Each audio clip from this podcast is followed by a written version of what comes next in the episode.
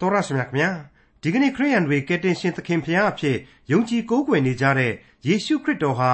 ရှေးတုန်းကအစ္စရေးလူမျိုးတွေရဲ့စွဲချက်အတင်ခံခဲ့ရပြီးလဝါကတိုင်ပေါ်မှာရိုက်ထားကွက်မြတ်တော်မူခြင်းကိုခံခဲ့ရပြီးတဲ့နောက်သုံးရက်မြောက်တဲ့နေ့မှာသေခြင်းကနေရှင်ပြန်ထမြောက်တော်မူခြင်းမရှိခဲ့ဘူးဆိုရင်ဖြင့်အဲ့ဒီအချိန်ကစပြီးဒီကနေ့အထိယေရှုခရစ်တော်ကိုကယ်တင်ရှင်သခင်ဖျားအဖြစ်နဲ့ယုံကြည်ကိုးကွယ်ခဲ့ကြတာဟာအချင်းဤသက်သက်ပဲဖြစ်ပါတယ်။ ဒါပေမဲ့အဲ့ဒီအချိန်အခါတုန်းက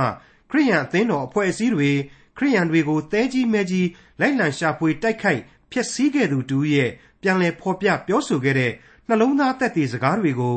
ဒီကနေ့တင်ပြရတော့တမချန်းအစီအစဉ်မှာလေ့လာမှာဖြစ်တဲ့ခရိယန်တမချန်းရဲ့ဓမ္မသစ်ကျမ်းပိုင်းတွေကကောရိန္သုဩဝါဒစာပထမဆုံးအခန်းကြီး15အခန်းငယ်9ကနေအခန်းငယ်19အထိမှာတွေ့ရမှာဖြစ်ပါတယ်။ ယေရှုခရစ်တော်ဟာသေခြင်းကနေထမြောက်တော်မူခြင်းမရှိခဲ့ဘူးဆိုရင်ငါတို့ဟာလူလိမ်လူညာတွေမမှန်ကန်တဲ့တက်သေးကံတွေဖြစ်ကြလိမ့်မယ်လို့ရဲရဲတင်းတင်းစိန်ခေါ်ထားတဲ့ကောရိန္သုဩဝါဒစာပထမဆုံးအခန်းကြီး15အခန်းငယ်9ကနေအခန်းငယ်19အထိကိုဒေါက်တာထွန်းမြတ်အေးကအခုလိုရှင်းလင်းဖော်ပြมาဖြစ်ပါတယ်။သောတာရှင်များခင်ဗျာသင်သိရသောသမာကျမ်းဆိုတဲ့ဘုရားသခင်ရဲ့နှုတ်ကပတ်တော်သင်ခန်းစာများကို ကျွန်တော်ဟာစက်တိုက်လေ့လာလာခဲ့ကြတာဟာဒီကနေ့အဖို့မှာတော့ကျွန်တော်သင်သိရသောသမာကျမ်းသင်ခန်းစာအမှတ်စဉ်966ကိုတောင်မှရောက်ရှိလာခဲ့ပြီဖြစ်ပါတယ်ကျွန်တော်သင်သိရသောသမာကျမ်းစာအဖွဲ့ဟာစနစ်တကျဖြစ်စေဖို့ရန်ရည်ရွယ်ပြီးတော့နှုတ်ကပတ်တော်ကိုဓမ္မဟောင်းဓမ္မသစ်ကျမ်းနှစ်စုစလုံးကိုမျှမျှတတလေ့လာခဲ့ကြတာဖြစ်ပါတယ်အလှဲ့ကျလေ့လာခဲ့ကြတဲ့သဘောပါပဲအခုလောလောဆယ်အချိန်မှာတော့ကျွန်တော်ဟာဓမ္မသစ်ကျမ်းများတဲက တမန်တော်ကြီးရှင်ပေါလုရဲ့ဩဝါဒစာတွေကိုလေ့လာတဲ့နေရာမှာကောရိန္သုဩဝါဒစာပထမစာဆောင်ကိုရောက်ရှိနေပါပြီအဲ့ဒီထဲကမှဝိညာဉ်ရေးခွန်အားများကိုကျွန်တော်ရရှိစေနိုင်ဖို့ရန်အတွက်ကယ်တင်ရှင်သခင်ခရစ်တော်ရဲ့ရှင်ပြန်ထမြောက်တော်မူခြင်းဖြစ်အများအပေါ်မှာအခြေတည်တဲ့ဆုံးမစာများကိုကျွန်တော်လေ့လာနေကြဆဲရှိပါတယ်ဒီတော့ကျမ်းများဤအခြေခံအကြောင်းတွေပေါ်မှာမူတည်ပြီးတော့ရသတွေအမျိုးမျိုးကိုမိษွေတို့ခန်းစားခဲ့ကြရတဲ့ နေရာမှာဒီကနေ့ဆုံးမဩဝါဒစာရဲ့သင်ခန်းစာများကတော့ရှင်ပြန်ထမြောက်တော်မူခြင်းရဲ့ထင်ရှားသောတက်သည့်အထောက်အထားအချက်အလက်များဆိုတဲ့အခန်းကြီး15ရဲ့ဒုတိယဂန္ဓဘိုင်းကိုကျွန်တော်ဆက်လက်စဉ်းစားသွားကြဖို့ရှိပါတယ်မိษွေအပေါင်းတို့ခမညာနှုတ်ကပတ်တော်သင်ခန်းစာများရဲ့ရသများဟာအထွေထွေအမျိုးမျိုးရှိတယ်လို့ကျွန်တော်ဒီနေရာမှာဆိုချင်ပါတယ်တချို့အပိုင်းဒီမှာပြင်းစရာကောင်းမယ်တချို့အပိုင်းဒီမှာပျော်စရာကောင်းမယ် တချို့အပိုင်းဒီမှာအားမလို့အားမရဖြစ်စရာကောင်းမယ်တချို့အပိုင်းဒီမှာအနည်းငယ်ရှုပ်ထွေးကောင်းရှုပ်ထွေးနိုင်ပါတယ်ဒါပေမဲ့ဘာပဲပြောပြောကျွန်တော်ဖော်ပြခဲ့တဲ့အတိုင်းပဲအသက်ရှင်တော်မူသောဘုရားသခင်အနန္တတကုရှင်ဘုရားသခင်ရဲ့နှုတ်ကပတ်တော်ဆရာဟာကျွန်တော်နားမလဲတာရှိကောင်းရှိမယ်အတိတ်ပဲမရှိဘူးဆိုတာတော့တခုမှမရှိပါဘူးအကုန်လုံးဟာအသက်လန်းခရီးကိုတူပြိုင်ညွန်ပြနေသောအသက်လန်းများတာဖြစ်ပါတယ်မိษွေအပေါင်းတို့ခမညာ ကယ်တင်ရှင်သခင်ခရစ်တော်ရဲ့ရှင်ပြန်ထမြောက်တော်မူခြင်းဆိုတာဟာမရှိဘဲနဲ့ကယ်တင်ခြင်းတရားဆိုတာဟာမရှိနိုင်ပါဘူးယုံကြည်ခြင်းဆိုတာဟာလည်းပေါ်ထွန်းမလာနိုင်ပါဘူးဒါကြောင့်မို့လို့ကယ်တင်ရှင်သခင်ခရစ်တော်ရဲ့ရှင်ပြန်ထမြောက်တော်မူခြင်းဆိုတာဟာအလွန်တရာအရေးကြီးတဲ့သစ္စာတရားကြီးဖြစ်ခဲ့တယ်ဆိုတာကိုပြီးခဲ့တဲ့သင်ခန်းစာမှာကျွန်တော်ဖော်ပြခဲ့ပြီးပါပြီဒီကနေ့အပိုင်းမှာကတော့ရှင်ပြန်ထမြောက်တော်မူခြင်းရဲ့ထင်ရှားသောအထောက်အထားအချက်အလက်များဆိုတာကိုကျွန်တော်ဖော်ပြသွားဖို့ရှိပါတယ် သစ္စာတရားဖြစ်တဲ့ရှင်ပြန်ထမြောက်တော်မူခြင်းအကြောင်းတွေဟာခရစ်တော်ရဲ့မွေးဖွားခြင်းခရစ်တော်ရဲ့အသက်ရှင်ခြင်းလူဘဝမှာရှင်သန်ခဲ့ခြင်းကားတိုင်းတော်ပေါ်မှာအသေးခံတော်မူခြင်းနဲ့အတူတကွာအသက်လမ်းကိုပေးပိုင်ခြင်းဆိုတာဒီကိုရှေးကာလကလေးကကျမ်းစာသို့မဟုတ်နှုတ်ကပတ်တော်ဟာအနာဂတ်ဗျာဒိတ်စကားအမျိုးမျိုးနဲ့တက်တည်ပြခဲ့ပြီးဖြစ်ပါတယ်ဒီလိုကယ်တင်ရှင်ပေါ်ထွန်းမဲ့အကြောင်းဟာဖြစ်ရင်ကဘာဦးကျမ်းကလေးကအဖထာဝရမြတ်စွာဘုရားသခင်ကိုတော်တိုင် ပရိညင်ပြုတ်ခဲ့တယ်ဆိုတာတွေ့ကိုကျွန်တော်ဟာသက်ဆိုင်ရာအခန်းများမှာကလေးကရှင်းလင်းဖော်ပြခဲ့ပြီးဖြစ်ပါတယ်ဒါကိုရှင်ပေါလုကလည်းအခိုင်အမာဖွင့်ဆိုပြခဲ့တယ်ဆိုတာကိုကျွန်တော်ပြီးခဲ့တဲ့သင်ခန်းစာမှာကြားနာခဲ့ကြပြီးပါပြီဒီကနေ့အဖို့ဆိုရင်တော့ရှင်ပေါလုဟာရှင်ပြန်ထမြောက်တော်မူခြင်းအတွက်ခိုင်မာတဲ့သက်သေအထောက်အထားကိုရှေ့နေရှေ့ရတယောက်လိုပဲဖော်ပြသက်သေတည်သွားအောင်မှာဖြစ်ပါတယ်မိษွေတို့အခုလိုစတင်နားဆင်ကြရပါလိမ့်မယ် ကောရိန္သုဩဝါဒစာပထမစာဆောင်အခန်းကြီး15အငယ်9ကေဖသည်ကိုတော်ကိုမြင်ပြီးတကြိတ်နှစ်ပါးသောသူတို့သည်မြင်ရကြ၏ဒါဟာခရစ်တော်ရဲ့ဂူကိုသွားတဲ့အချိန်ခရစ်တော်ရဲ့ဂူကနေပြန်လာတဲ့အချိန်လမ်းမှာဒါမှမဟုတ်ရင်အိမ်ထဲမှာစသဖြင့်ဘယ်အချိန်ဘယ်နေရာဆိုတာကိုရှင်ပေါလုအတိအကျမဖော်ပြပါဘူးကေဖာဆိုတဲ့ပေတရုကနေပထမဦးဆုံးမြင်တယ်ဆိုပြီးတော့သာဖော်ပြလိုက်ခြင်းဖြစ်ပါတယ်ပေတရုအမည်ရှိတဲ့ ကေဖသို့မဟုတ်ရှီမုန်ပေတရုစီကိုကယ်တင်ရှင်သခင်ခရစ်တော်ကနေပထမဦးဆုံးကိုထင်ပြတယ်ဆိုတာကိုရှင်ပေါလုပြောလိုက်ပါတယ်ပေတရုဟာခရစ်တော်ကိုမသက်ခင်နောက်ဆုံးညအချိန်သူ့ကိုပါဖမ်းမဲ့ပုံမျိုးလုပ်တဲ့အချိန်မှာခရစ်တော်ကိုငါမသိဘူးငါမသိဘူးငါမသိဘူးဆိုပြီးတော့ခရစ်တော်ကိုသုံးကြိမ်သုံးကညှင်းပယ်ခဲ့သူဖြစ်ပါတယ်အဲ့ဒီလိုသူ့ကိုညှင်းပယ်သူပေတရုစီကိုကယ်တင်ရှင်သခင်ခရစ်တော်ဟာအရင်ဆုံးကိုထင်ပြခဲ့တယ်ဆိုပြီးတော့ရှင်ပေါလုပြောတယ် အဲ့ဒီလိုမိမိကိုပြင်းထန်စွာညှင်းဆိုခဲ့သူတပည့်တော်ကြီးတယောက်ကိုအရင်ဦးဆုံးပြန်ပြီးတော့သူ့ရဲ့ရှင်ပြန်ထမြောက်ခြင်းကိုဖော်ပြတာဟာထူးဆန်းတဲ့အတိတ်နမိတ်ကိုဆောင်းမနေဘူးလားအမှန်တော့တပည့်တော်တွေရဲ့ခြေတော့ကိုပင်လျင်ဆေးကြောပေးခဲ့တဲ့သခင်ရဲ့မေတ္တာတော်ကြီးမားခြင်းကိုဒီလိုပေတရုကိုကယ်တင်ရှင်ဟာပထမဦးဆုံးကိုထင်ပြခြင်းအပြင်ထင်ရှားနေတယ်လို့ကျွန်တော်တွက်ပါတယ်ဟုတ်ပါတယ်ကယ်တင်ရှင်ကိုသုံးချိန်သုံးကညင်းမိခဲ့တဲ့ သူ့ရဲ့တပည့်တော်အရင်ခောက်ခောက်ကိုကယ်တင်ရှင်ဟာခွင့်လွှတ်တော်မူခဲ့တယ်သူ့ရဲ့ဝိညာဉ်ခွန်အားနေပါခြင်းကိုသိနာလေခွင့်လွှတ်ပြီးတော့အလွန်ကြီးမားကျေပြတ်တဲ့မေတ္တာတော်နဲ့ပျက်စီးသူကိုကယ်တင်ယူရတဲ့ဆိုတဲ့ကျေးဇူးတရားရဲ့သရုပ်ကိုဒီနည်းအားဖြင့်ကျွန်တော်တို့ဟာရှင်းလင်းစွာတက်တည်ဖော်ထုတ်လို့ရပါတယ်အဲ့ဒီနောက်မှာမှတစ်ကြိမ်နှစ်ပါးသောသူတို့သည်ဆက်၍မြင်ရကြ၏ဆိုပြီးတော့ရှင်ပေါလုထပ်မံဖော်ပြပါတယ်ဒါခရစ်တော်ရဲ့တပည့်တော်တစ်ကြိမ်နှစ်ပါးဆိုတဲ့ ကျွန်တော်တို့နှုတ်ကြိုးပြီးတော့ဆွဲလန်းနေသူတပည့်တော်များရဲ့အရေးအတွက်ကိုခြုံငုံဖော်ပြလိုက်တာဖြစ်ပါတယ်အမှန်စင်စစ်တော့အဲ့ဒီအချိန်မှာတပည့်တော်12ပါးတည်းကသစ္စာပေါက်ကြီးယူရရှကာယုတ်ဟာသေဆုံးသွားခဲ့ရပြီးတော့7ပါးပဲကြံပါတော့တယ်ဒါပေမဲ့ကျွန်တော်တို့နားလေလွယ်အောင်12ပါးလို့ပဲရှင်ပေါလုကဆက်ပြီးပြောနေခြင်းဖြစ်ပါတယ်သူကိုယ်တိုင်ကိုအဲ့ဒီစီးရင်ထဲမှာထည့်လိုက်တာလည်းဖြစ်နိုင်ပါတယ်အမှန်တော့စစ်စစ်ပေါက်ပေါက်ပြောကြည့်ဆိုရင်မာဂရာလမာရီအေးမောက်ရွာကိုသွားတဲ့ခရီးသည်နှစ်ဦး အေးမောက်ရွာကလေးကလူတွေစတဲ့အရေးအတွက်တွေကိုထည့်ပြီးတော့ပြောမနေတော့ဒီတပည့်တော်12ပါးဆိုတာဟာနည်းသေးတယ်လို့တော့မှကျွန်တော်တွက်ပါတယ်ဘာပဲပြောပြောတပည့်တော်12ပါးဆိုပြီးတော့ဒီရှင်ပေါလုဟာဒီနေရာမှာတီးတီးတန်းတန်းဖော်ပြလိုက်တာပဲဖြစ်ပါတယ်ဒါဘာကြောင့်လဲလို့စဉ်းစားလိုက်ရင်တော့ကယ်တင်ရှင်ယေရှုရဲ့အသက်တာမှာဖြစ်ရင်ချစ်သောတပည့်တော်၁၂ပေါ်ရှိခဲ့လေရဲ့ဆိုတဲ့အချက်ကိုပြန်ပြီးတော့အောက်မေ့ဈေးဖို့ပဲဖြစ်ပါတယ်ကောရိန္သုဩဝါဒစာပထမစာဆောင်အခန်းကြီး15အငယ်6 ထို့နောက်ညီအကို900မကတပြိုင်နက်မြင်ရကြ၏ထိုသူတို့တွင် အများသောသူတို့သည်ယခုတိုင်အသက်ရှင်ကြသေး၏အချို့တို့သည်အိပ်ပျော်ကြပြီခရစ်တော်ဟာတပည့်တော်တွေနဲ့ဂါလိလဲအရက်မှာပြန်ပြီးတော့ဆုံကြပါစို့ဆိုပြီးတော့မှားချွေမိန့်ကြားခဲ့တဲ့အတိုင်းပဲဂါလိလဲအရက်မှာတပည့်တော်တွေနဲ့ပြန်လဲဆုံတွေ့ခဲ့တဲ့အကြောင်းကိုမိษွေတို့ဟာကြားသိခဲ့ရပြီဖြစ်ပါတယ်အဲ့ဒီအရက်ဒေသမှာတပည့်တော်တွေနဲ့ပြန်လဲတွေ့ဆုံတဲ့အချိန်နဲ့ မရှိမနှောင်းပါပဲအခြားယုံကြည်သူ900ကိုပါဆုံတွေ့ခဲ့ရတယ်ဆိုတာကိုလေကျွန်တော်တို့ခရစ်ဝင်ကျမ်းများအရာသိနာလေခဲ့ရပြီဖြစ်ပါတယ်ဟုတ်ပါတယ်ယေရှုမသေးဘူးရှင်ပြန်ထမြောက်ပြီဆိုတာနဲ့တပြိုင်နက်ယေရှုကိုတိတ်တခိုးချစ်မြတ်နိုးနေသူတွေယုံလက်ဆရှိသူတို့အပေါင်းတို့ဟာဝေးလံလှတဲ့မြောက်ဖက်စွန်းကဂါလိလဲအရက်ကိုအုံလိုက်ကျင်းလိုက်ပြေးသွားကြပြီးတော့စောင့်စားခဲ့ကြတယ်အဲ့ဒီအခါမှာတော့ကယ်တင်ရှင်ယေရှုကိုသူတို့ဟာအံ့ဩပွေရှင်သန်လျက်ရှိကြောင်းတွေ့ကြုံခဲ့ရတယ်လို့ကျွန်တော်ဆိုချင်ပါတယ်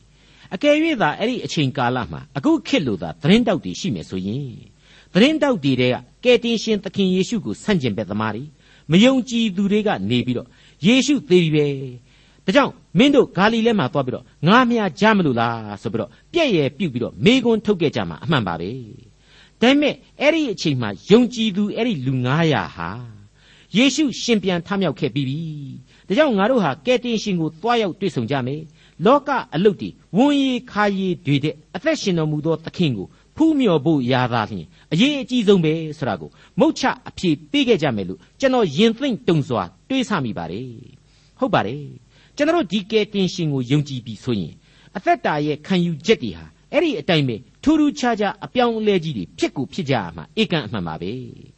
ကောရိန္သုဩဝါဒစာပထမစာဆောင်အခန်းကြီး15အငယ်9မှ10ထို့နောက်ယာကုပ်မြင်ရ၏ ထို့နောက်တမန်တော်အပေါင်းတို့သည်မြင်ရကြ၏နောက်ဆုံး၌အချိန်မတော်မတန်ဖွာသောငါပင်မြင်ရ၏အဲ့ဒါတွေဟာတူးချင်းတွေ့ဆုံကြရခြင်းအကြောင်းတွေပါအဲ့ဒီထဲမှာကတော့နောက်ဆုံးမှာစာရေးသူကျွန်ုပ်ကိုယ်တိုင်မြင်ရတယ်ဆိုတာကိုအထူးပြုဖော်ပြလိုက်ပါတယ်အဲ့ဒီလိုကိုယ်တိုင်မြင်ရတာကိုကိုယ်တိုင်ဝန်ခံသက်သေပြုလိုက်တဲ့အချက်ဟာဖြင့်ဘယ်လို့မှညင်းနေခုန်နေလို့မရနိုင်လောက်အောင်ခိုင်ကန့်သွားစေတဲ့ ကယ်တင်ရှင်ရဲ့ရှင်သန်ထမြောက်တော်မူခြင်းရှင်ပြန်ထမြောက်တော်မူခြင်းရဲ့သက်သေပါပဲအဲ့ဒီလိုရှင်ပေါလုဟာပြောရင်းနဲ့သူ့အကြောင်းကိုသူတမင်ဒီနေရာမှာထည့်ပြီးပြောလိုက်တဲ့ထူးဆန်းတဲ့နောက်တစ်ချက်ကတော့အချိန်မတော်မတန်ဖွာသောငါဆိုတဲ့အချက်ပါအတော်ကြီးကိုပြောင်မြောက်တဲ့စကားတစားဖြစ်ပါတယ်သူ့ရဲ့ဘုံမဟုတ်ပတ်မဟုတ်ဖြစ်ခဲ့ခြင်းကိုရည်ညွှန်းခဲ့တယ်လို့ကျွန်တော်ခံယူပါတယ်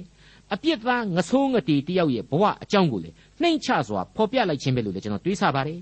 တကယ်လို့သူဟာမွေးကြတဲ့ကအများသူငါလို့မဟုတ်တဲ့လူလူလူစမ်းဆိုရင်လည်းဘာမှမဖြစ်ပါဘူးကြိုက်တယ်လို့ခံယူနိုင်ပါတယ်အရေးအကြီးဆုံးကတော့ခရစ်တော်ကိုယုံကြည်ဖို့သာလျှင်ဖြစ်ပါတယ်ခရစ်တော်ကိုယုံကြည်ခြင်းအဖြစ်သူဟာလူသစ်စိတ်သစ်ဘဝသစ်သို့ရောက်ခဲ့သောတမန်တော်ကြီးရှင်ပေါလုဖြစ်ခဲ့ပြီးပါပြီအငယ်6မှ30ငါသည်အထက်ကဘုရားသခင်အသင်းတော်ကိုညှင်းဆဲသောကြောင့်အညံ့ဆုံးသောတမန်တော်ဖြစ်၏တမန်တော်ဟုခေါ်ဝေါ်ခြင်းကိုမခံတိုက် သို့တော်လည်းဘုရားသခင်၏ကျေးဇူးတော်အားဖြင့်သာငါဖြစ်သည့်အတိုင်းငါဖြစ်၏ငါခံရသောကျေးဇူးတော်ကိုလည်းအကျိုးမဲ့ခံရသည်မဟုတ်အခြားသောတမန်တော်အပေါင်းတို့တဲ့ငါသည်သာ၍ကြိုးစားခြင်းကိုပြု၏ထို့သောဆိုတော်လဲငါကြိုးစားသည်မဟုတ်ငါနှင့်အတူရှိသောဘုရားသခင်၏ကျေးဇူးတော်သည်ကြိုးစားတော်မူ၏ကျွန်တော်စောစောပိုင်းကတင်ပြခဲ့တယ်လို့ပါပဲကိုဘဝရဲ့မပြည့်စုံခြင်းအားနည်းခြင်းအကြောင်းတွေကိုသူအဓိကဖော်ပြနေခြင်းပဲဖြစ်ပါတယ် တနည်းအားဖြင့်သူ့ရဲ့ယင်တွင်းကခန်းစားချက်တွေလည်းပါဝင်မှုရှိပါလိမ့်မယ်အဲ့ဒီလိုကိုယ့်ရဲ့အခြေခံမပြည့်ဝမစုံလင်ခြင်းအပေါ်မှာမှာကိုဘဝဟာဘုရားသခင်အတွက်အသုံးပြုခြင်းကိုခံရတာဟာလေကျေးဇူးတော်ပဲဆိုတာကိုရှင်ပေါလုအလေးအနက်ဖော်ပြပါတယ်ဒါဟာသမိုင်းမှာစာတင်ခံတိုက်သောသူတော်စင်တယောက်ရဲ့စိတ်ဓာတ်ပဲဖြစ်တယ်လို့ကျွန်တော်ဆိုချင်ပါတယ်မိတ်ဆွေအပေါင်းတို့ခမညာဒီအပိုင်းကပေါလုရဲ့အရေးအသားတွေဟာဒါဝိဒ်ရဲ့အသက်တာအကြောင်းကိုပြန်ပြီးတော့စဉ်းစားမိကျင်စရာကောင်းလာပါတယ် ဒါဝိဒ်ဟာသူ့ကိုယ်သူအပြစ်တရားရိတ်ကအမိုက်အမဲကြီးအဖြစ်အသိအမှတ်ပြုခဲ့သူဖြစ်ပြီးတော့ဘုရားသခင်ပေးသမျှအပြစ်ဒဏ်တို့ကိုခါးစီးပြီးတော့ခံခဲ့သူဖြစ်ပါတယ်လူဆိုတာဟာခရစ်တော်၌ရှိမှသာလျှင်အသက်ပြုပြင်သောတတ္တဝါအသက်လမ်းပေါ်ကိုရောက်နေသောတတ္တဝါတွေဖြစ်တယ်ဆိုတာကိုကျွန်တော်တို့သေသေးချာချာခံယူတိုက်လာပါတယ်ကောရိန္သုဩဝါဒစာပထမစာဆောင်အခန်းကြီး15အငယ်7ထို့ကြောင့်ငါဖြစ်စီသူတို့ဖြစ်စီဤသို့ငါတို့သည်ဟောပြောကြ၏ ဤသို့လဲသင်တို့သည်ယုံကြ၏ခရိယန်ဆိုတဲ့ခရစ်တော်ကိုယုံကြည်သူတို့ဟာစစ်မှန်တဲ့ယုံကြည်ခြင်းကိုခရစ်တော်ရဲ့လူစားတိမှမွေးဖွားခြင်းအသေးခံခြင်းအသေးခံတော်မူပြီးနောက်ရှင်ပြန်ထမြောက်တော်မူခြင်းဒီအပေါ်မှာခိုင်မာစွာလက်ခံမှသာခရိယန်အစစ်အမှန်ဖြစ်လာမှာပါအဲ့ဒီအချက်ကြီးတွေကိုလက်မခံဘဲနဲ့တော့ခရိယန်လို့ဘယ်လို့မှမဆိုသင့်ပါဘူးဒါကိုရှင်ပေါလုအထူးဖော်ပြလိုက်ပါတယ်အခုကောရိန္သုအသင်းသားတွေကိုရှင်ပေါလုဖော်ပြနေတဲ့အချက်တွေဟာ ကျွန်တော်အတွက်လေလမ်းညွန်မိမ့်မှချက်တွေလို့ပဲကျွန်တော်ခံယူပါတယ်ဒီလိုအခြေခံယုံကြည်ချက်ဘလောက်ပြတ်သားခိုင်မာတယ်ဆိုတာကိုကျွန်တော်ကိုယ့်ကိုယ်ကိုပြန်လဲဆန်းစစ်ရပါမယ်မေးမြန်းစောကြောကြည့်ရပါလိမ့်မယ်ဒါဟာဘုရားသခင်မိမ့်မှချက်များအပေါ်မှာကိုဘလောက်အထိလိုက်နာတယ်ဆိုတာကိုဆန်းစစ်မှုကြီးတစ်ခုပါဒီအချက်တွေဟာအတွေးအခေါ်မဟုတ်ပါဘူးစိတ်ကူးရင်ဖန်တီးမှုလည်းမဟုတ်ပါဘူးသစ္စာတရားများကြီးဖြစ်ပါတယ်လူသားအလုံးအတွက်အသေးအသက်တမျှ အရေးတကြီးခံယူရမယ့်အချက်များလည်းဖြစ်ပါတယ်အငယ်တည့်ရဲ့အစလောက်မှာတော့ကကောရိန္သုအသင်းသားတွေခံယူရရှိတဲ့အရာအဖြစ်ဖော်ပြထားခဲ့ပါတယ်အခုအငယ်၁၁ကျတော့ကောရိန္သုသားတွေယုံကြည်အပ်တဲ့အရာဆိုပြီးတော့ပေါလုထက်ဆင့်သတိပေးလိုက်ပြန်ပါတယ်အဲ့ဒီလိုကိုခံယူအပ်သောအရာဆိုတဲ့အပိုင်းနဲ့ပတ်သက်ပြီးတော့ရှင်ယောဟန်ခရစ်ဝင်ကျမ်းအခန်းကြီး1အငယ်7ကနေ73အတွင်းမှာဖော်ပြထားတဲ့ချက်ဟာသိအရေးကြီးနေတဲ့အတွက် ကျွန်တော်ကဒီခရစ်ဝင်ကျမ်းကိုပြန်ပြီးတော့ဖတ်ရုပ်ပြခြင်းပါတယ်နားဆင်ကြည့်ကြပါသူသည်မိမိဒေသရတ်သို့ကြွလာတော်လဲမိမိလူမျိုးတို့သည်သူ့ကိုလက်မခံဘဲနေကြ၏ထိုသူကိုလက်ခံသမျှသောသူကြီးဟုသောကိုတော်ကိုယုံကြည်သောသူတို့အားဖျားသခင်ဤသားဖြစ်ရသောအခွင့်ကိုပေးတော်မူ၏ထိုသားတို့မူကားလူမျိုးနှင့်ဆက်ဆံ၍ဖွားမြင်သောသားမဟုတ်မေထုံတံဝါသအဖြစ်ဖွာသောသားမဟုတ်လူအလိုအလျောက်ဖွာသောသားမဟုတ် ဖျားသခင်ဖွာတော်မူသောသားဖြစ်သည်လို့ရှင်ယောဟန်ခရစ်ဝင်ကျမ်းမှာဖော်ပြထားတာကိုတွေ့ရပါတယ်ယုံကြည်ခြင်းရဲ့အခွင့်အရေးယုံကြည်ခြင်းရဲ့ဆုကျေးဇူးဟာကျွန်တော်အဖို့အနန္တကာလခမည်းတော်ကိုခန်းစားထိတွေ့ရစေတယ်ဆိုတာဟာရှင်းရှင်းကြီးနားလည်လာစေပါတယ်အခုအခန်းကြီး15ရဲ့အစအငယ်1မှာအဖွင့်အဖြစ်ကျွန်တော်တို့ကြားနာခဲ့ရတာကတော့သင်တို့သည်ခံယူ၍မိဝဲစည်းကပ်သောဧဝံဂေလိတရားလို့ဖော်ပြထားခြင်းမှာ အဲ့ဒီဧဝံဂေလိတရားဖြစ်တဲ့ခရစ်တော်ရဲ့အသက်တရားလမ်းကိုလက်ခံခြင်းဟာခရစ်တော်ကိုလက်ခံခြင်းတနည်းအားဖြင့်ယုံကြည်ခြင်းပါပဲ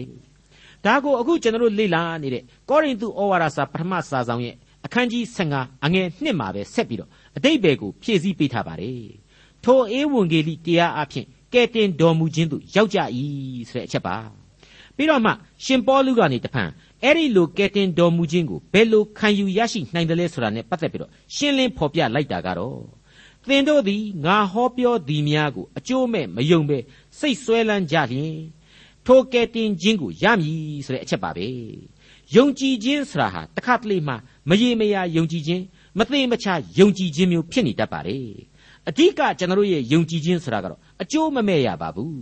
ခရစ်တော်ဆိုတဲ့ပန်းတိုင်စီမှာအခြေခံရပါမယ်တနည်းအားဖြင့်တော့ ခရစ်တော်ကိုဥခိုက်မထားတဲ့ယုံကြည်ခြင်းဆိုတာဟာအချီးနှီးသက်သက်သောယုံကြည်ခြင်းမျှော်လင့်ခြင်းဖြစ်ပါတယ်အဲ့ဒီသဘောတရားအဖြစ်ကျွန်တော်အလေးအနက်ခံယူပြီးတော့ကျွန်တော်ဟာကယ်တင်ရှင်သခင်ခရစ်တော်ကိုဥခိုက်ထားတတ်သောသူများဖြစ်ဖို့အထူးပဲအရေးကြီးတယ်လို့ဖော်ပြလိုက်ပါရစေမိတ်ဆွေအပေါင်းတို့ခင်ဗျာခရစ်တော်ကိုယုံကြည်ခြင်းနဲ့ပတ်သက်ပြီးတော့သိပြီးတော့ဝိုးရိုးဝါတာဖြစ်နေတဲ့တငယ်ချင်းတယောက်အတွက်အဖြေပေးခဲ့ဘူးတာကိုကျွန်တော်ဟာယောမဩဝါဒစာမာတုန်းကဖော်ပြခဲ့ဘူးပါတယ် ခရစ်တော်ကိုယုံကြည်ခြင်းဟာလောကုတ်တရားအသက်တာအတွက်သာဖြစ်တယ်ဆိုတဲ့ခံယူထားတဲ့ကျွန်တော်တငယ်ချင်းကိုကျွန်တော်ဖြေခဲ့တဲ့အဖြေပါပဲခရစ်တော်ကိုယုံကြည်ခြင်းဟာသေမှသာလောကုတ်တရားဘဝကိုရောက်မှသာအကျိုးရှိတာမဟုတ်ပါဘူးကျွန်တော်ရှင်းမပြနိုင်တယ်လို့ဘယ်လောကပညာရှိတွေကမှအဖြေမပေးနိုင်တဲ့လူတို့ကြံစည်၍မမိနိုင်သောညီသက်ချင်းပါဝင်နေတဲ့ဆိုတဲ့အချက်ပါခရစ်တော်ကိုယ်တိုင်ဟာလူစားတိဘဝမှာခံယူစဉ်တုန်းကကျွန်တော်အတွက်ဆုတောင်းသံဟာ ကျွန်တော်ရှင်းရှင်းကြီးမှတ်မိနေဖို့လိုပါတယ်ကျွန်တော်ကိုဤလူလောကနေဖယ်ထုတ်ပြစ်ဖို့မဟုတ်ပါဘူးလူသားဘဝမှာပင်လျှင်ကောင်းကြီးပေးတော်မူပါမကောင်းသောအမှုအရာများနဲ့ကင်းလွတ်စေတော်မူပါဆိုတဲ့ကယ်တင်ရှင်ရဲ့ဆုတောင်းသံကိုကျွန်တော်ဘယ်လို့မှမေ့ပြောက်ထားလို့မရပါဘူးကယ်တင်ရှင်ဟာကျွန်တော်ကိုလူလောကမြေပေါ်မှာလူသားအဖြစ်ဖန်ဆင်းထားတာဟာအတိတ်ပဲရှိပါတယ်သူ့ရဲ့ဘုံတော်ကိုထွန်းလင်းထင်ရှားစေဖို့ဖြစ်တယ်လို့ ကျွန်တော်ကိုသူဟာသူ့ရဲ့အသက်ဝိညာဉ်ကိုပုတ်သွင်းပေးထားခြင်းအပြင်သာဝရအသက်ဆုကျေးဇူးကိုရယူဖို့လူသားများအဖြစ်သတ်မှတ်ထားခြင်းဖြစ်တယ်ဆိုတာကိုကျွန်တော်ဘယ်လို့မှမေ့လို့မရနိုင်ပါဘူးဒါကိုရှင်ယောဟန်ခရစ်ဝင်ကျမ်းရဲ့အခန်းကြီး16မှာအငယ်15အတိုင်းပြန်လှန်ဖတ်ရှုကြည့်ရင်ကျွန်တော်အခုလူတွေ့ကြရမှာဖြစ်ပါတယ်မိษွေတို့နားဆင်ကြည့်ကြပါဤသူတို့ကိုဤလောကမှနှုတ်ယူတော်မူမည်အကြောင်းကျွန်ုပ်တောင်းသည်မဟုတ်ပါ မကောင်းသောအမှုအရာနှင့်ကင်းလွတ်စေခြင်းငှာစောင့်မတော်မူမည်အကြောင်းကိုသာတောင်းပါ၏တဲ့ဘလောက်ကောင်းလဲကျွန်တော်ကိုသေပြီးတဲ့အချိန်မှာဝိညာဉ်ရှင်သန်ခွင့်ကိုပေးနိုင်တော်မူတဲ့သခင်ဟာလောကမြေပေါ်မှာလေလူတို့ကြံစီ၍မမိနိုင်သောကောင်းကြီးမင်္ဂလာများနဲ့ပတ်ရစ်ထားတယ်ဆိုတာဟာရှင်းနေပြီမဟုတ်ဘူးလားကောရိန္သုဩဝါဒစာပထမစာဆောင်အခန်းကြီး15အငယ်7ယခုမှခရစ်တော်သည်သေခြင်းမှထမြောက်တော်မူကြောင်းကိုဟောပြောရသည်ဖြစ်၍ သေသောသူတို့သည်ထမြောက်ခြင်းမရှိဟုသင်တို့တွင်အချို့သောသူတို့သည်အဘယ်ကြောင့်ဆိုရကြသနည်းယုံကြည်ခြင်းအရာမှာဝသဝယောဖြစ်နေတဲ့ကောရိန္သုကခရိယန်တွေရဲ့မပီမပြင်းမခိုင်မမာဖြစ်နေတဲ့ရှင်ပြန်ထမြောက်တော်မူခြင်းခံယူချက်အားပြော့မှုကိုရှင်ပေါလုဆိုလိုပါတယ်ရည်ညွှန်းခြင်းဖြစ်ပါတယ်ကျွန်တော်ပြောဆိုခဲ့တဲ့အတိုင်းပဲ stoicism epicureanism နဲ့ platonism လို့ခေါ်တဲ့ခေါမအဘိဓမ္မာတွေဟာသူတို့ကို သေသောသူဖြစ်ခဲ့သူခရစ်တော်ရဲ့ခန္ဓာကိုယ်ပြန်လဲရှင်ပြန်ထမြောက်ခြင်းဆိုတာကိုနက်နက်နဲနဲလက်မခံနိုင်တော့အောင်လွှမ်းမိုးနေခဲ့ကြပါတယ်အဲ့ဒီလိုအဘိဓမ္မာတွေဒသနာအတွေးအခေါ်တွေကိုလူသားတွေဟာစိတ်ဆွဲလန်းတဲ့နေရာမှာတော့ရှေးခေတ်သားမဟုတ်ဘူးဒီကနေ့တည်းထိလေဒီတိုင်းပဲလို့ကျွန်တော်ကဆွဆွဲခြင်းပါတယ်မနေ့တနေ့ကမှပြိုကျပျက်စီးသွားတဲ့ရုပ်ဝါဒကြီးတွေဟာအဲ့ဒီလိုအဘိဓမ္မာကြီးတွေပေါ်မှာအများကြီးအခြေခံခဲ့တယ်ဆိုတာကိုကျွန်တော်ဘယ်လို့မှမေ့ထားလို့မရနိုင်ပါဘူး အခုကောရိန္သုအသင်းသားတွေရဲ့ရှေးကာလအချိန်ခါမှာလေသူတို့ရဲ့နှလုံးသားတွေကိုအဲ့ဒီလောကအဘိဓမ္မာတွေဟာခရစ်တော်ကိုယုံကြည်နေစေအချိန်ကာလမှာပင်ဖြင့်လာရောက်ကင်ညှင့်နေကြတယ်လို့ကျွန်တော်ကတွေးမိပါတယ်အဲ့ဒီလိုရှေးခေတ်အကြောင်းပြောရင်းနဲ့ဒါဟာရှေးခေတ်နဲ့အခုခေတ်ဆိုပြီးတော့ခေတ်ချင်းမကွာဘူးဆိုတာကိုလေကျွန်တော်မေ့ထားလို့မရပါဘူးနော်လူတဘာဝအလျောက်လူဟာကိုယ့်အတွေးနဲ့ကိုယ်ကိုယ့်အတက်နဲ့ကိုယ်အပေါ်မှာသာလေပို့ပြီးတော့ကျင်လေလိုကြတယ် လူသားအချင်းချင်းဖော်ထုတ်လိုက်တဲ့အတွေးအခေါ်တွေဒသနာတွေအပေါ်မှာသာဆွဲလန်းတတ်ကြတယ်ဆိုတာကိုကျွန်တော်ဟာအစဉ်တစိုက်သတိထားဖို့ရှိပါတယ်ဟုတ်ပါတယ်ဒါတွေဟာဒီကနေ့ကျွန်တော်သိပ္ပံခေတ်လူသားတွေအတွက်လေအထူးကောင်းမွန်တဲ့သင်ခန်းစာပါတစိတ်ရှိရင်ခလုတ်ကလေးတွေလှမ်းနှိပ်လိုက်ယုံနဲ့ဘဝဟာအစဉ်ပြေနေတော့စိတ်ဝိညာဉ်နဲ့ပုံပြီးတော့ယုံရတဲ့အလုပ်ကိုမလုပ်ချင်တော့ဘူးခလုတ်နှိပ်ရတာတော့ဝါသနာမထုံတော့ဘူးအခုအချိန်မှဆိုရင်အတော်ခလုတ်နှိပ်ဖို့ဝါသနာကြီးနေကြပြီ အဲ့ဒီခလုတ်နှိပ်တာတွေများလွန်းလို့လေကဘာကြီးတဖြည်းဖြည်းနဲ့ဒုက္ခရောက်နေရပြီ အခုသတင်းစာတွေအရဆိုရင်လေရုရေရုညဉ့်နှံညဉ့်ညမ်းမှုတွေမြေတုညဉ့်ညမ်းမှုတွေပင်လေညဉ့်ညမ်းမှုတွေဟာအကြီးအကျယ်ဖြစ်နေပြီဆိုပါလားအိုဆုံးအလွှာကြီးတွေပောက်ကွဲလို့ယာတိဥရုတွေလည်းကြပြောင်းကြပြန်ဖြစ်ကုန်ကြပြီတဲ့ကြောက်เสียမကောင်းဘူးလားကဘာကြီးဟာအနှွေးဓာတ်တွေပိုးပိုးလာတဲ့အတွက်ကြောင့်ဝင်ရိုးစုံကရေခဲတုံးကြီးတွေအေးပြောပြီးတော့ရေဟာမြင့်တက်လာတယ်ကုန်းမြေဟာနဲသွားတယ်ဆိုပါလား ယောဂဗျာတွေဟာလေအသစ်ကောအဟောင်းကောမျိုးကိုစုံနေတာပဲတဲ့ AIDS ယောဂအကြောင်းများကြည်စမ်းသားဖချင်းတောင်မှသူ့နှကမ်းမွေးရိတ်တဲ့တာကိုကယူပြီးတော့မရိတ်ရဲဘူးအဲ့ဒီလိုပဲသွားကြီးမချိမဆန့်ကြိုက်နေတာနဲ့နေတာကိုတေးပေပြီးတော့ဘလောက်ကြိုက်ကြိုက်နဲ့နေခံနေတယ်သွားဆရာဝန်ကတပြားမှမယူပါဘူးစေတနာနဲ့အလကားနှုတ်ပေးပါမယ်ဆိုတာကိုအနှုတ်မခံရဲဘူးမတော်တဆ AIDS ကူးမှာဆိုလို့တဲ့ဆရာစီကပဲကူးမလားဆရာတခြားလူနာတွေစီကပဲကူးမလား AIDS ဆိုရင်ကြောက်လွန်းလို့ဒီသွားကြီးနဲ့နေတာကိုဘလောက်နဲ့နေသူ့ဟာသူကြွအောင်စောင့်မယ်တဲ့အဲ့ဒီလိုယောဂဗျာတွေဟာထွန်းကားတိုးတက်လာတဲ့အချိန်အရေးထဲမှာငှက်ဖျားတို့သွေးလွန်တုတ်ကွေးတို့ပျောက်ပါပြီဆိုပြီးသတ်မှတ်ထားတဲ့ယောဂကြီးတွေကလေတစ်ဖက်ကပျောက်မလို့လို့ပျောက်မလို့လို့အခြေအနေကနေပြီးတော့အခုပြန်ပြီးပေါ်လာတယ်ဆိုပါလားမိတ်ဆွေအပေါင်းတို့အဲ့ဒီလိုထင်ရှားတဲ့သက်သေတာရကတွေအမြောက်များအကြောင်းကိုအလေးအနက်မစင်စားနိုင်ကြဘဲနဲ့ လူသားအပေါင်းတို့ဟာလူသားအချင်းချင်းကနေဖြစ်တဲ့အပိဓမ္မာကြီးတွေအတတ်ပညာနဲ့အသိပညာကြီးတွေရဲ့အရေးမှားတာကြည်နူးနှစ်သိမ့်ပြီးတော့နေကြခြင်းတော့အသက်ရှင်တော်မူသောအနန္တတကုရှင်ဘုရားသခင်ပြတ်သားပေးတဲ့လောကုတ္တရာအသက်လမ်းဆိုတာကိုအလေးဂရုမပြုခဲ့ကြဘူးလူစရာဟာသေတနေ့မွေးတနေ့ပါကွာဆိုတဲ့အတွေ့တွေလောကမှာကောင်းတာလုပ်ရင်ပြီးတာပါပဲကွာဆိုတဲ့ကို့အတွေ့တွေနဲ့သာလျှင်ကိုလုံခြုံပြီးအောက်မေ့နေကြပါတယ်စိတ်ချနေကြပါတယ် ဘုရားသခင်ဆိုတာဟာလေအတွေးသမားတွေကပဲစိတ်ကူးနဲ့တီထွင်ထားတဲ့ရောင်ရောင်ဝေလေလေလှုပ်ချင်ကြတယ်ဆိုတာကိုရင်ဖိုအောင်ကျွန်တော်တို့တွေ့လာရပါတယ်အခုတမန်တော်ကြီးရှင်ပေါလုဆိုတဲ့အတိတ်ကခရစ်တော်မုံကြီးရေးသမားကြီးရှောလူကတော့ပြက်ပြက်ပဲရည်ညွှန်းနေပြီခရစ်တော်သည်သေခြင်းမှထမြောက်ပြီးတန်တရားဘာကြောင့်ရှိနေကြမှာတော့တဲ့ဟုတ်ပါတယ်အဲ့ဒီတန်တရားတန်တရားဟာကျွန်တော်တို့တွေရဲ့ဇာတိပဂရိစိတ်ဓာတ်တွေကိုဝါမြူနေကြပါသလား အသက်လမ်းပေါ်ကနေပြီးတော့များကျွန်တော်တို့ကိုဆွဲချနေကြပါလေသလားကိုကိုကိုဒါဟာစောကြောကြည့်ရမယ့်အချိန်ပဲဖြစ်ပါလေအငယ်73မှ75သေသောသူတို့သည်ထမြောက်ခြင်းမရှိလျင်ခရစ်တော်သည်ထမြောက်တော်မမူခရစ်တော်သည်ထမြောက်တော်မမူလျင်ငါတို့ဟောပြောခြင်း၌အကျိုးမရှိသင်တို့ယုံကြည်ခြင်း၌လည်းအကျိုးမရှိထိုမြမကငါတို့သည်ဘုရားသခင်၏အမှုမှာမမှန်သောတက်တည်ကံဖြစ်ကြ၏ ဘလောက်ဝိညာဉ်ရေးအနှစ်သာရပါဝင်တယ်ဆိုတာကိုစိတ်စိတ်နားထောင်လေးလေးအတိတ်ပဲပေါ်လေးလေးပဲဖြစ်ပါတယ်ကြက်သိန်းထခြင်းစရာတောင်ကောင်းနေပါတယ်ခရစ်တော်ရဲ့အသက်လမ်းအကြောင်းကိုဟောပြောရမှာသစ္စာရှိရင်တာဝန်သိရင်ခရစ်တော်ရဲ့ရှင်ပြန်ထမြောက်ခြင်းဆိုတာကိုပါကိုပါဝင်ရမယ်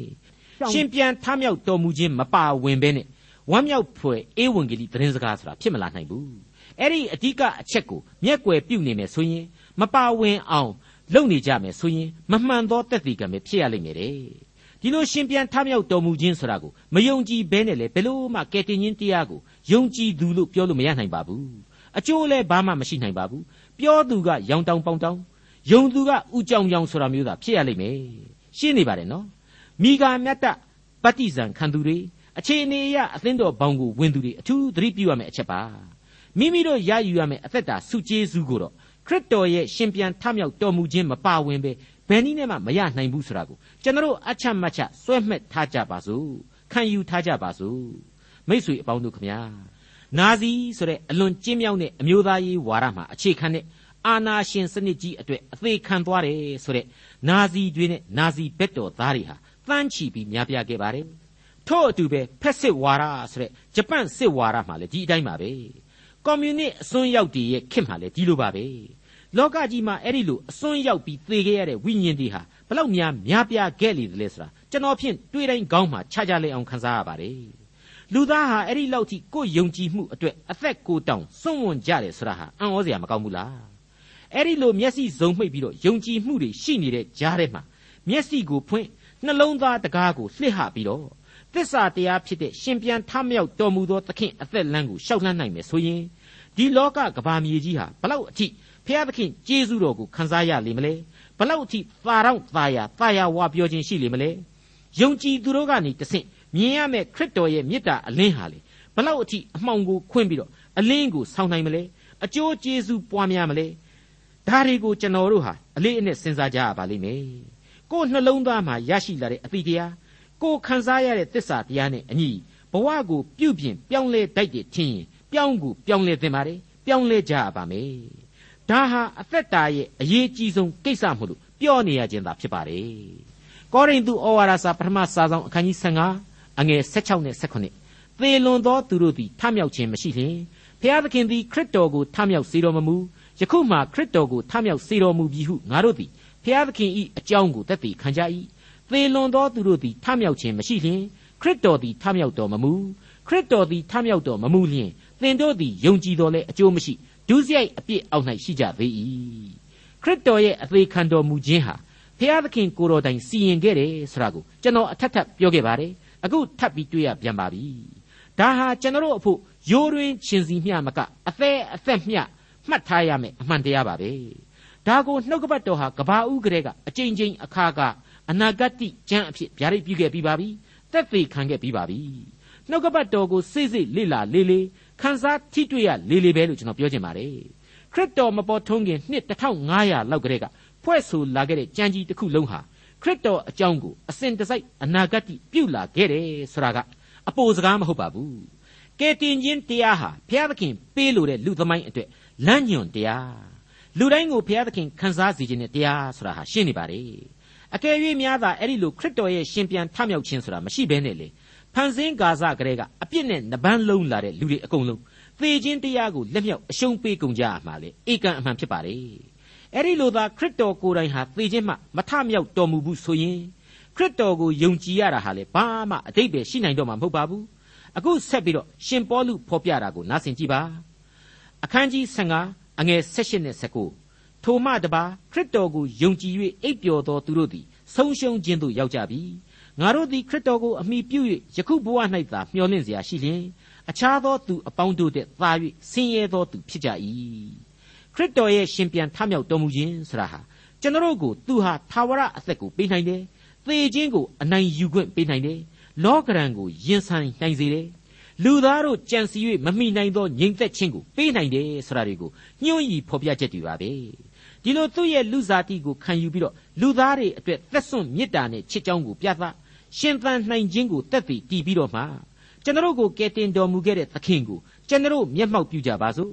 မိษွေအပေါင်းတို့နဲ့ကျွန်တော်ယုံကြည်သူတွေအားလုံးဟာတကယ်တော့ကဘာတစ်ခုမိသားစုထဲမှာသာပါဝင်လာရတဲ့အပြစ်ဇာတိလူသားတွေကြီးပဲဖြစ်ပါတယ်သေခြင်းပန်းတုံးတိုင်စီကိုရှောက်သွားနေရတဲ့သူတွေကြီးလည်းဖြစ်ပါတယ်ဒါမဲ့ကျွန်တော်မှာမျော်လင့်ချက်တွေဟာအပြည့်အဝရှိနေပါတယ်ခိုင်မာတဲ့နှုတ်ကပတ်တော်ဟာဒီအသက်တာမျော်လင့်ချက်တွေအတွက်အကောင်းဆုံးသင်ခန်းစာတွေကိုလည်းပေးနေပါတယ် ကျွန်တော်ရဲ့စိတ်နှလုံးများကိုအသစ်ပြင်ဆင်ပြီးတော့လက်ခံကြပါဒါဟာဘဝရဲ့အကောင်းဆုံးဆုကျေးဇူးဖြစ်ပါတယ်